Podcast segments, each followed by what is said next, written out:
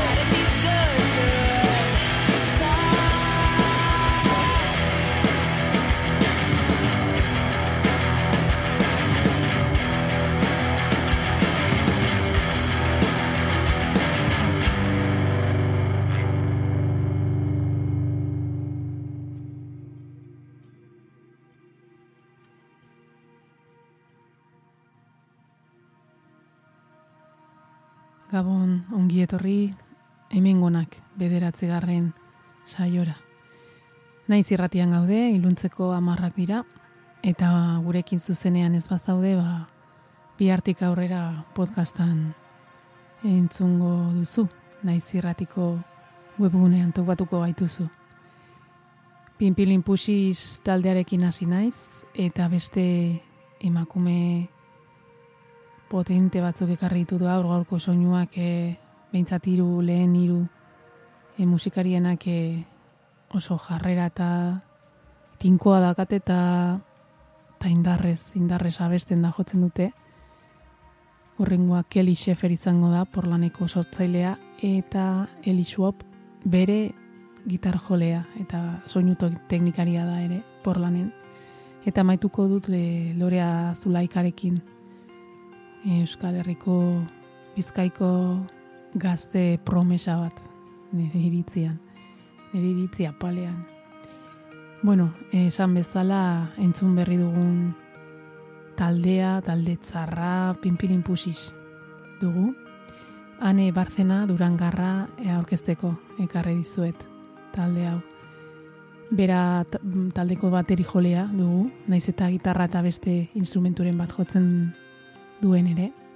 Eta Raquel Payez Bartzelonarrarekin batera osatzen du proiektua bikote modun. Bateri jole, oza, bateria eta gitarra. Raquelek hori gitarra jotzen du eta hots nagusia da taldean. Eta naik ere ahotsak sartzen ditu. Oso modu urratu baten, oso inter, korokoro interesgarriak egiten dizkio. Eta egia esan e, biek daukate aipatu dudan jarrera hori, talentu hori egiten dutena mm, horren modu tinkoan eta indartsuan adierazteko. Odol, odol gaztea dago hemen. Taldearen izena pinpilin pusiz e, anek e, azaldu didan moduan, pinpilin pausa hitzatik e, era, eratorri dute, modu ironik, ironiko baten, pusiz, amaiera horrekin, ba, bueno, emakume izakera eta jarrera adierazkor hori e, adierazi nahian. Barkatu. 80 b, bere lehen EP autoeditatua e, 2008ko txailean atera zuten, digitalean, formatu digitalean. Eta, bueno, ba, haien agendak betetzen e, hasi ziren, eta gainditu egin zuten e, espetatiba guztiak. Pinpilin pusik e, bere zuzenekoa Bartzelonako ia aretu guztietan e, kontzertuak eman ditu. Kataluniako eta Euskadiko txoko txikietan sartu irten txikiak eginez. Eta Karni Barnetekiko obsesioa orain gozken duen ez dieten hainbat talderekin agertokia partekatuz. Izan ere, honela definitzen dute beren burua. Lofi biribilkia, ez literkiniren zerbait, bikinikilen zerbait, baina txilagoak. Gehitu korni barnet pixka bat, garage pop, post-punk jarrerarekin, baladaren batekin eta pogoak egiteko abestiak. Soinu gordina eta ba, alakoa. Aurten argitaratu berri dute Fuerza 3 izeneko lehen diskoa, aurretik e, hainbat single atera zituztelarik eta azkenian e, diskonetan batu dituztenak. Entzun duguna bertako fiera kantutzarra da eta aurretik ezagutu genien e, bideoklip batean Mikel, Miguel Trias desbez e, Siete Barbas estudioan zuzentako bideoa da. Eta bueno, ba, izan ere abesti horrekin ezagutu nituen iaz eta berehala heldu zitzaidan aipatutako jarrera eta soinu indi orokor batetik eratu duten berezko indi soinu hori. Haien bankanpean e, duzue salgai eta entzungai e, bai Forza 3 eta bai aurreko singelak eta 2018an Fridonian egindako zuzeneko bat ere badago hor. Bueno, ba, ane Barzena Durangarrarekin hitzein dut, e, Euskal Herriko emakume bateri joleko puru txikiari batzen zaion izen berria delako, eta bere ibilbidea ezagutzeko gogoa eta kuriositatea nuen. Bartzelonan bizi da eta bertan nola amaitu duen jakinaia magaldetu aurretik, Durangon bizi izan zeneko astapenen inguruan aritu gara. Nola txikitan etxean eh, amak akordeoia jotzen zuen eta berak Bilbon ikasi zuen akordeoia eta adin txikiko hainbat orkestatan jo. Ondoren erabezaroan Durangoko musika eskolan jaz e, zalea zen irakaslearekin ba, oboea jotzen ikasi eta jam sesioetan e, aritu zen lagunekin batera. Gero gitarra bere kabuz ikasi zuen eta Bartzelonara mugitzean bateria jotzen ikastea erabaki zuen, inkonzienteki edo barruan zuelako instrumentua. Eta gainera emakume asko ikusten zituelako Bartzelonan baterian aritzen. Eraginei dagokienez musika klasikoarekin hasi zen eta rock klasikoarekin jarraitu, Queen eta Pink Floyd eta olakoak. Eta osaba baten eskutik hasi zen e, bos, e, rock, indio rock edo e, estatuko e, rock hori festivaletara joaten, lagunekin ere, kontzertutara, gaztetzetara, eta Bartzelonan ba, amaitu zuen, ez, estena esagutzen, eta tabertoko eragina ze ba, bustitzen. Musika bizitzako alde garrantzitsua izan da, hasieratik dio. Bartzelonara mugitu zen ikusintzutezko karrera egitera, arlo horretan ba, lekurik aproposena iruditu zitzailako, Eta musika industria arloko posgraduan Raquel taldekidea ezagutu zuen. Raquel gitarra jotzen zuen, baina bateria e, eskolak e, hartu nahi zituen, eta neri galdetu zion, eta horrela ezagutu zuten elkar. 2008ko abenduan nentxegu lokalean elkarrekin probatzen hasi ziren, pretentzio hori gabe, kantak osatzen, eta amazortziko martxoan lagun baten eskutik, Bartzelonako sala txiki batean e, telonero moduan aritu ostean, ba, horraz izen dena. Kontzertu pilo eman ostean, 80 be izeneko lehen EPA grabatu zuten, bainat zantzezen estudioan Bartzelonan, eta horrekin jarraitu zuten Bartzelona aldean mugitzen, baita Euskal Herria etorri ere. Praktikatzen eta hobetzen joan ziren eta emeritziko udan Sevillako Lamina estudioan sartu ziren, Raúl Perezekin lehen diskoa grabatzera, Fuerza 3. Eta gero Berlinen masterizatu dute Jami Masters estudioan. Izena berez, Forza 3, hilean erabiltzen duten gominatik dator, e, bideoklipetan e, engominatuta agertu dira, beti, eta hori xaba, Forza 3 duela, gomina horrek. Diskoa kaleratu arte, biratzen ibili dira, estatutik, Madriletik, Valentzian, eta baita Euskal Herrira e, itzuli ere, izan ere lukiek taldearekin dabadaban e, jozuten abenduan, Eta, bueno, ba, Fuerza 3 kaleratu betzain laster, justo martxoan, konfinamendua hasi zen, eta itxita dituzten kontzertuak batzeratu behar izan dituzte, hala ere lasai daudela dioanek, hau amaitzean ba, indartxu aterako direlako, eta irailerako atzeratu diren jaialdi batzuetaz gain, ba, ontzertu gehiago lartzeko asmoa daukatela. Diskoaren grabazioa esperientzia ederra izan dela dio, promozioan ere harima ustia jarri dutela, eta kanta berriak sortzen hasi dira. Konfinamenduan, norbere etxean, urrengo astean, e, lokalera joateko aukera izango utelakoan, ba, martxan jarriko dituzte kanta berri hauek.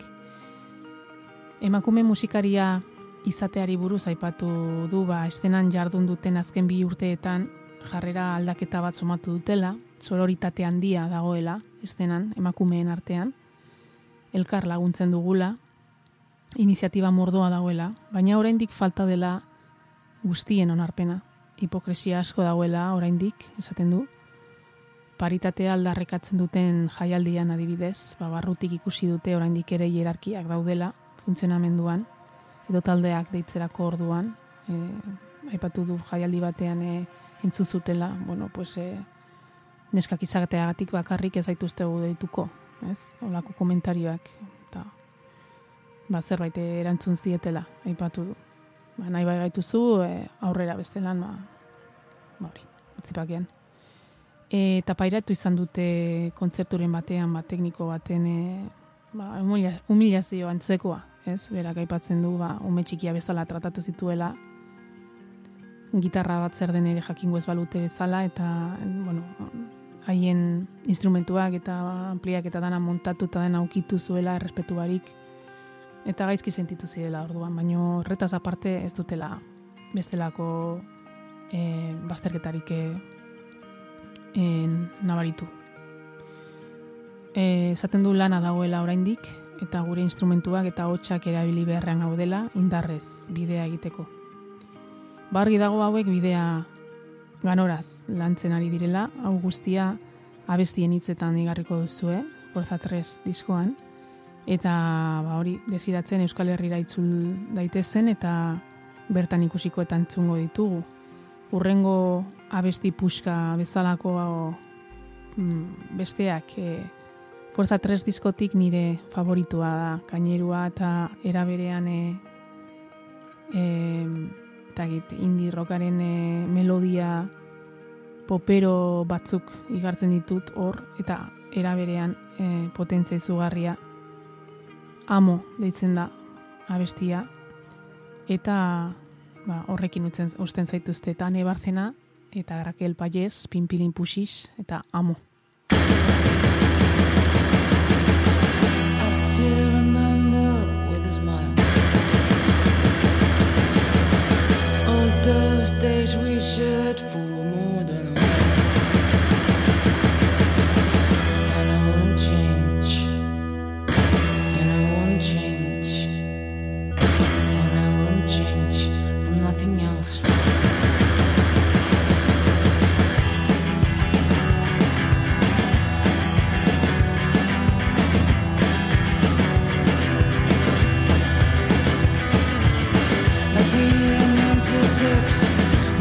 It's a set of six, never ending childhood takes or play.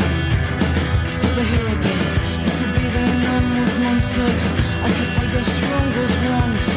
When me against a world conquer.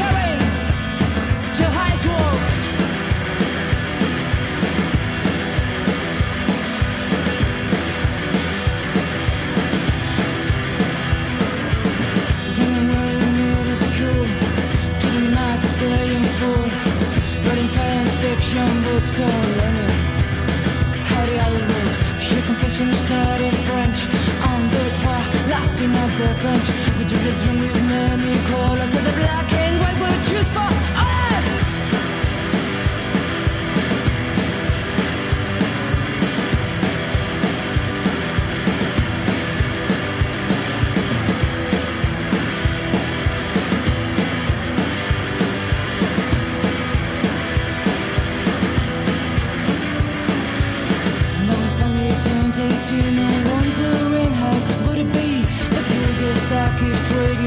in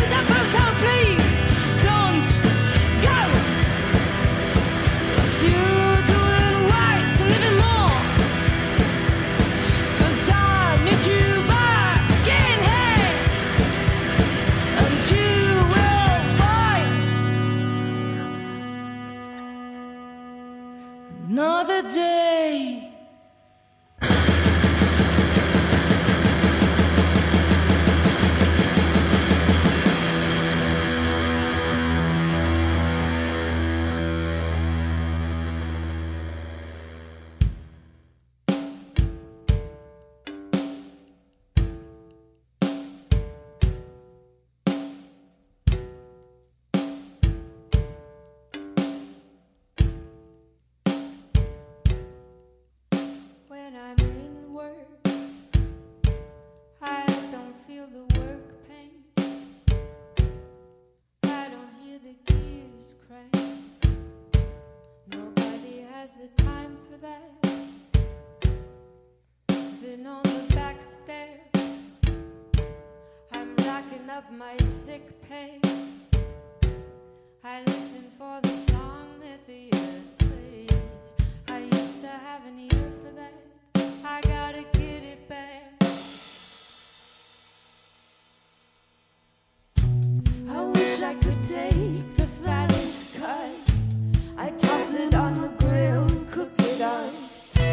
Even if I save my money up, I still feel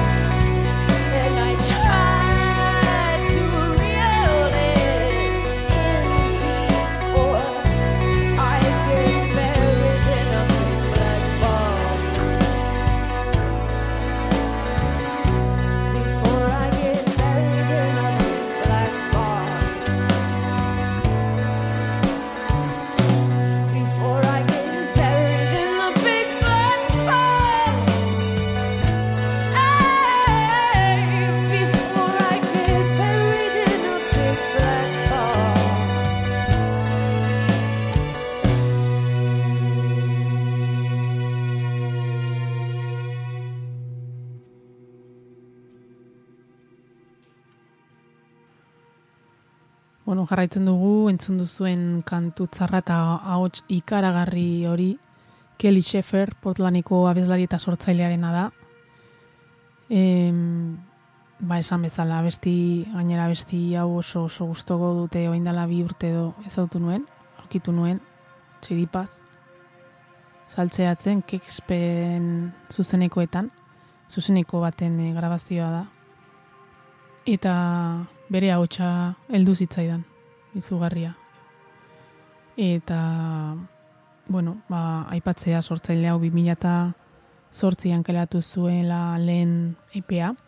Eta hasierako soinu gozo ura, mainstream soinura e, urbiltzen zaien ura, ba, urteekin gordindu duela, kriston aldaketa egin du, eraldaketa egin du, sortzaile bezala. Berezko nor- nortasuna zabesten ditu, bizitzak ekarri dizkion esperientzia gaziezak. PJ Harbiren zarata edakorra eta itzal zorrotza islatuz, Nick Keiberen abandonu ausartarekin eta Bjorken ahots jokoarekin. Seferrek argiaren abiaduran bidaiatzen du, asko kaldegin zuten eta astertzea aztu zuten paisaia estatu batuarrean zehar. Sakonera eta ikusmena dituen pop artea da, bere buruarentzat espazio bat egiteaz gain, paisaia baten itxura emateko ahalmena zuen ahots bihurtu zen artista baten emaitza. 2008an Kelly Sheferrek Ghost of, the Beast iraupen luzeko lehen diskoa kaleratu zuen. E, ba, aurretik e, 2009an zehar e, Amigo Amiga Recordings artistek zuzendako sigiluan kaleratutako singeleen bilduma. Lasso the Moon 2008koa Ghost of the Beats de epearen jarraipen harrigarria. Eta Lasso the Moon e, altzairu eta distortzio zeindako bizkarrezurra duen pop arte disko kezkagarria da. Aukera baduzu entzun. Xeferrek eh, laudorioak eta arreta lortu zituen eta bultzada hartzen hasi zen, ipar mendebaldean lan honekin. E, baina gero zurrunbilotik aldentzea erabaki zuen, bere jarraipenean konzentratzeko beste norabide batean joan nahi zuela konturatu zen, zuelaz konturatu zen, eta amairuan, 2008an hasi zen esplorazio hau, e, 601 inzeneko EPA autoetkoiztu zuen. Eta bere soinu berriaren hasiera debutatu zen. Hor. 2008 aurrera, ba, e, Drew Grow, Ghost of the Beast e, koizlearekin ere, Jeremiah Hayden eta e, Ryan Lynch e, taldekideekin elkartu zen eta bere ikuspegia rock and roll soinu kontzeptualago eta nahasiagora aldatu zela ikusi zuen. Bere jatorrizko txokorik ilunenak esploratzeko eta bere baitatik ateratzeko diskoa ia hiru urtez idatzi eta grabatu ondoren sortu zen. Honen ondoren ikusgarri duzuen eh, oso kontzertu intimoa eman zuen lagunentzat egina Live at Ripcord estudio izenekoa. Eta hau egin zuen ba, Ghost of the Beast finantzatzen lagundu zuten la, eh, lagunei eskertzeko. Moduan oso eh, kontzertu hori intimoa eta gozoa da. Eta maitza zoragarria izan zen bere hautsa gozatzeko aukera para paregabea. Hau ikusgai duzue eta entzungai ban kanpen ere. Eta beste hainbat zuzeneko itzela dituzue e, Kelly Sheferrenak Kex eta OPB Music eta NPR-en eskutik denek grabatu dute ze kriston zuzenekoa dauka honek eta taldeak em, ez dut aipatu, baino 601 kaleratu zuenean, bere sotoan eskutatuta grabatu zuen, alguna, guztia. Kolaboratzaileak edo kanpoko eraginak usatuz. Eta emaitza eragin herrikoi eta elektronikoen nazketa ezoikoa da, generorik edo denbora tarterik gabea. Baino itzein dezagun bere azken lanaz, 2006ko No Identity lanaz. E, aurrekoak baino askoz e, ilunagoa, konfiantza zegina, baina humorez, marmarka. E, konfiantza irabazi zuen, eta bere aitaren eriotzatik irten, eta ezinbesteko uinei aurre egin zien. Erregistroa, bai bizitzak, e, bori, moldatu zion erregistro baten, bizitzak berak ikarri zion erregistroa. Noa identitiren abesti nagusia bihotza bezain erritmo biziarekin hasten da, eta estanda egiteko mehatxua egiten duen gitarra lerro batekin, eta berak maila argi eta hurbilean abesten du, katamotza naiz, tigre bat izaten saiatzen, bultzain nahian. E, bere izmenez eta trebetasun teknikos markatutako historio genesia da, gitarra gihartxua, burrumbatxua, eta beren buruaren gainean tolesten diren e, bere formara itzultzen diren ahotsak. No Identitik Seferri e, porlaneko komposatzailerik indartsunetako baten ospea eman zion. Diskoa kaleratu zutenetik, Sefer eta bere taldea biran egon dira diskoaren alde egiteko. Eta, bueno, ba, esan bezala, e, hainbat e, emanaldi e, esentzialak izenatu dituzte bere kontzertuak NPR-ek estudio, estudiokoa. E, Kexpen grabatu zuen berrikuspen batek esan zuen bere musika amildegira begira dago, baino berak lehen baino onik eta indartsuago itzultzen jarraitzen du. Eta Kex e, horretatik hartu dut bigarren lehenengo eta bigarren abestiak biak. E, entzun duzuen abestia, Big Black Box, e, eta urrengoa ere. Em, aipatuko izuet nire hirugarren musikaria bere taldekidea dela, zuzenekoetan diskoan ez zuen, ez zuen e, parte hartu, baino bai laguntzen dio zuzenekoetan Eli Schwab e, gitar jole multi-instrumentalista eta grabazio teknikaria da. Eta porlaneko estenan zutabetako bat da. Hainbat alderekin aditzen da gitar jole, baino bakarlari moduan ere aritzen da. Orduan honek laguntzen dio gitarran izugarria eta baita koroetan ere izugarrizkoa hotsa dauka. Eta biak elkartzen direnean, olu ipurdia jartzen didate biek, keliren ahotsak eta eliren gitarrek. E, entzungo dugun urrengoan, e, esan duan bezala Nova Identity, Identity diskotik ere eta Kexpe emanaldi horretatik hartua, em, rock klasiko baten e, gitarra sartzen du, elik, eta atzean sintetizadoreak entzuten digularik, ditugularik ba, brutala geratzen da azkinian, eta eta entzungo duzue. E, bi hauek, gero Eli Shoupen inguruan jarretuko dut, baina entzun bi hauek Kelly Sheffer eta Shani Black Feathers Eli Shoupen e, gitarraekin eta koroekin izugarria.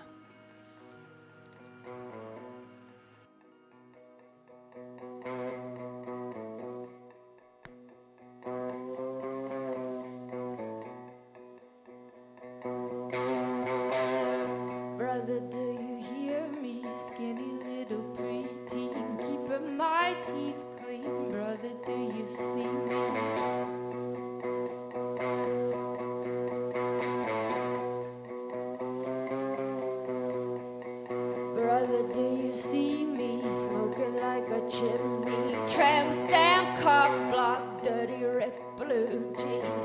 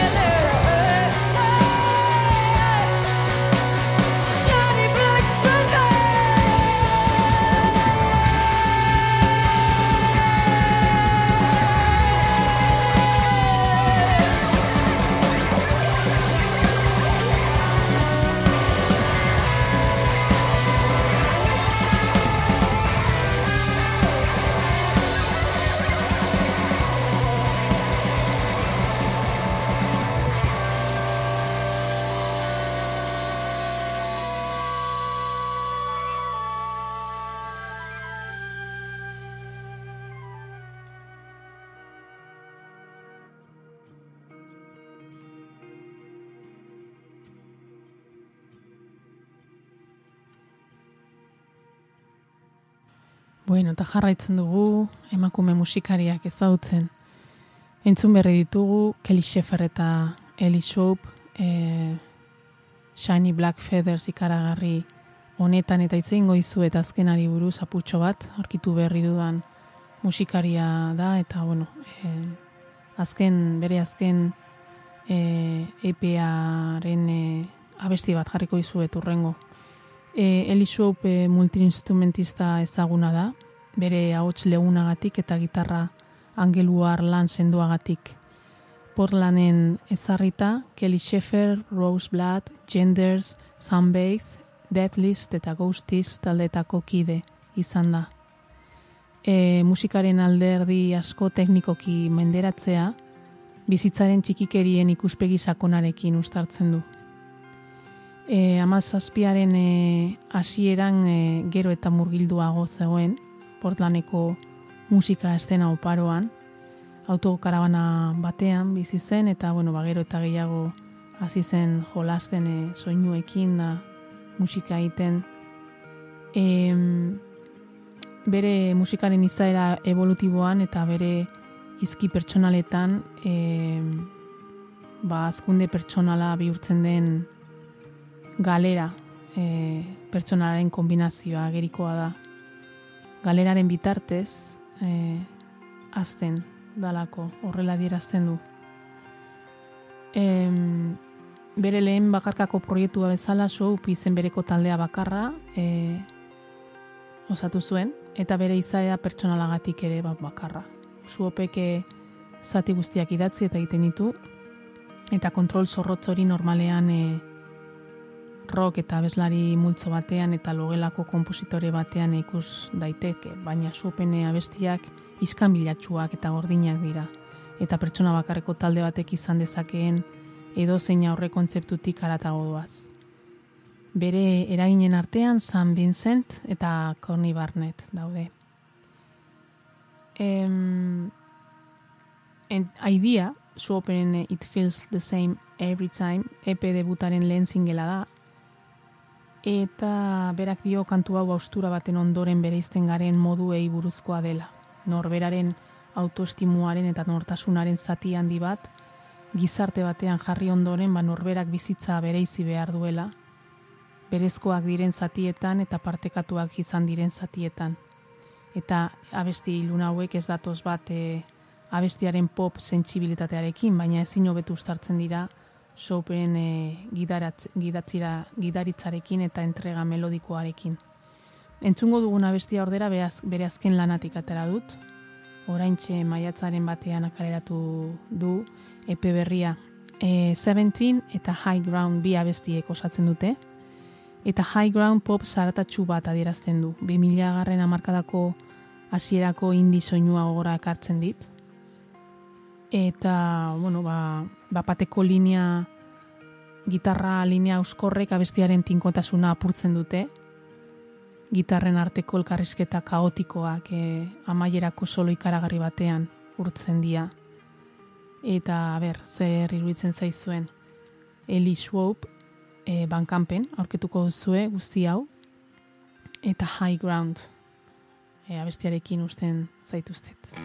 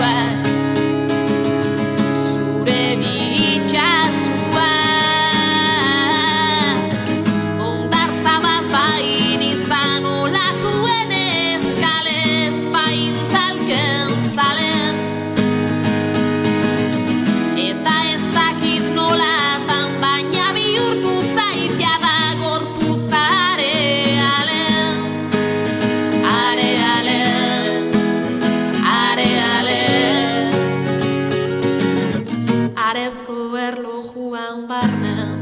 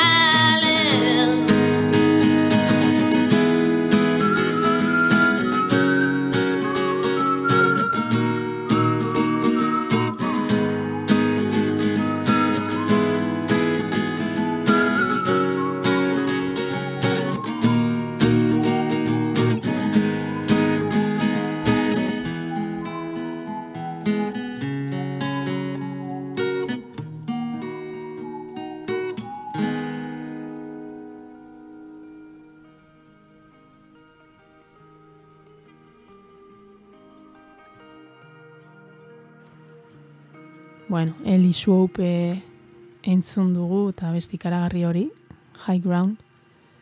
Eta bagoaz amaitzen eh, Euskal Herrira itzuliko gara Lorea Zulaika eh, ezagutzera. Eh, entzun berri duzuen eh, musikaria da, bizkaitarra. Eh, eta Lorea orain urte batzuk aurkitu nuen eh, sare sozialetan. Eta, bueno, talentua antzemanion, iruditu zitzaidan e, ba berez, zerbait berezia zuela. Izan ere Madi Nogera edo Paule Bilbaoren Bilbaorekin batera kokatuko nuke emakume sortzaile berrien emelaunaldi gazte batean. Oraintxe hogeita gutxi urte dituztenak eta etorkizuneko gure bakarlariak izango direnak, bueno, ba, e, Paule taldean aritzen da eta eta Madi bietan, ez? Taldean aritu da, baino bera ere sortzailea da eta Lorea bera ere e, taldean aritutakoa da. Baina nik eh, ez dakit zerraitik, baino Lorea adibidez e, etorkizunean e, bakarlari modun ikusten dut. E, bera entzutean nortasun handikoa hotxa somatzen dut. Gitarrarekin sortzen duena ere ohiko eskimetatik aldetzen dela, esango nuke ez du, ez du folk rock e, e, standar bat jotzen, oso melodia interesgarriak jorratzen ditu, eta hitzak ere landuak dira, poemak. entzun dizkiodan abestietan. Entzun duguna 2006koa da, bakarlari moduan hasitzenekoa, e, areale izeneko abesti eder hau, eta tinko hau, ze berez ere, e, bueno, gero azalduko dizuet nola sortu zen abestia. Ondoren azalera taldeko abeslari bezala aritu da, gitarra jobarik, eta taldea ez egitean berriz ekin dio e, bakarkako ibilbideare, eta orain ari da ba, ba, sortzen eta, eta bidea egiten. Berarekin hitz egin dut, eta kontatu dit, ba, ziortza bolibarkoa dela, eta hau ere txikitatik ikasi zuela musika, zeharkako txirula, hain zuzen ere, e, musika eskolan, eta herriko bandan ere aritu zela, eta ondoren amair urterekin gehien gustatzen zitzaiona, ba, bestea zela ikusita, ba, gitarrarekin hasi zela kontuak sortzen. Lea artibaiko gaztetxeetan lagunekin jotzen, eta hainbat kantu lehiaketetan ere parte hartzen bakarka. Musikari izateko ametsa barruan, ordurate zituen kantua grabatzea erabaki zuen. Areale, mapagalduak eta larru ikustezinak desegiten eta e, lanean sartu zituen. Entzun duguna esan bezala areale da, eta karga emozional handia duela onartu du. Momentu txar batean idatzetakoa, karrera utzi zuelako eta desamudioa kanta delako ere. Ondoren 2008an azalera taldea sortu zuen, bainat bide gainekin, eta amazortzian lehen diskoa atera zuten, eta biratxo bat egin zuten. Musika mundua uste bezain polita etzela konturatu zen, esperientzia honekin. E, ez taldeagatik baizik eta jotzea eta aurrera egiteak ba, ekartzen duen lana eta esfortzuagatik ere, eta bueno, e, estenan topatu duten ostopoekin ba desenkantatua e, geratu zen. Bueno, da noi gertatu zaigu, ez? Taldea hiru urtez iraun zuen, eta esten, estankatu zirenean ba, banatzea erabaki zuten eta loreak onartzen duen ez zuela behar beste denborarik proiektuari eskaintzeko. Zorkuntzarako gogoa piztuta konfenamendu garaian hiru abesti egin ditu eta aurrez egina zuen euriari abestia grabatu egin du. Gernikako emakume musikarien bazkarian egin genuenean e, txailan, estenatoki gainera igo zen, ane, antxe antolatu generako jam session edo, bueno, bapateko e, sesio bat, eta ausarki jo zuen, asko gustatu zitzaidan euriari. Eta eskatu diot e, etxeko grabazioa bada ere nahiko txukun e, geratu zaio eta gero hemen ba, nik ere arpegia garbitu diot pixkat eta eta gustatu zaio nola geratu den ia gustatu zaizuen zuei. Lorearen soinu berria ezagutzeko aukera polita iruditu zait eta merezi duela pentsatzen dut bere, bere musika entzutea merezi duela Oraindik ez dauka argi bakarlari moduan negatuko dituen urrengo abestiak, agian taldeki debila hasiko da, baina argi duena da aurrera egingo duela, sortzen eta kontzertuak ematen. Eta sorterik handiena opa izut aurrera, lorea. Bueno, ba hemen usten zaituztet e, urrengo saiora arte. Denboraldi honetako azkena izango delakoan nago, oporrak e, heldua aurretik ekaineko azkena. E, naiz irratian, e, aste artean, e, iluntzeko amarretan, bueltan izango naiz, emakume musikarien inguruan e, aritzeko.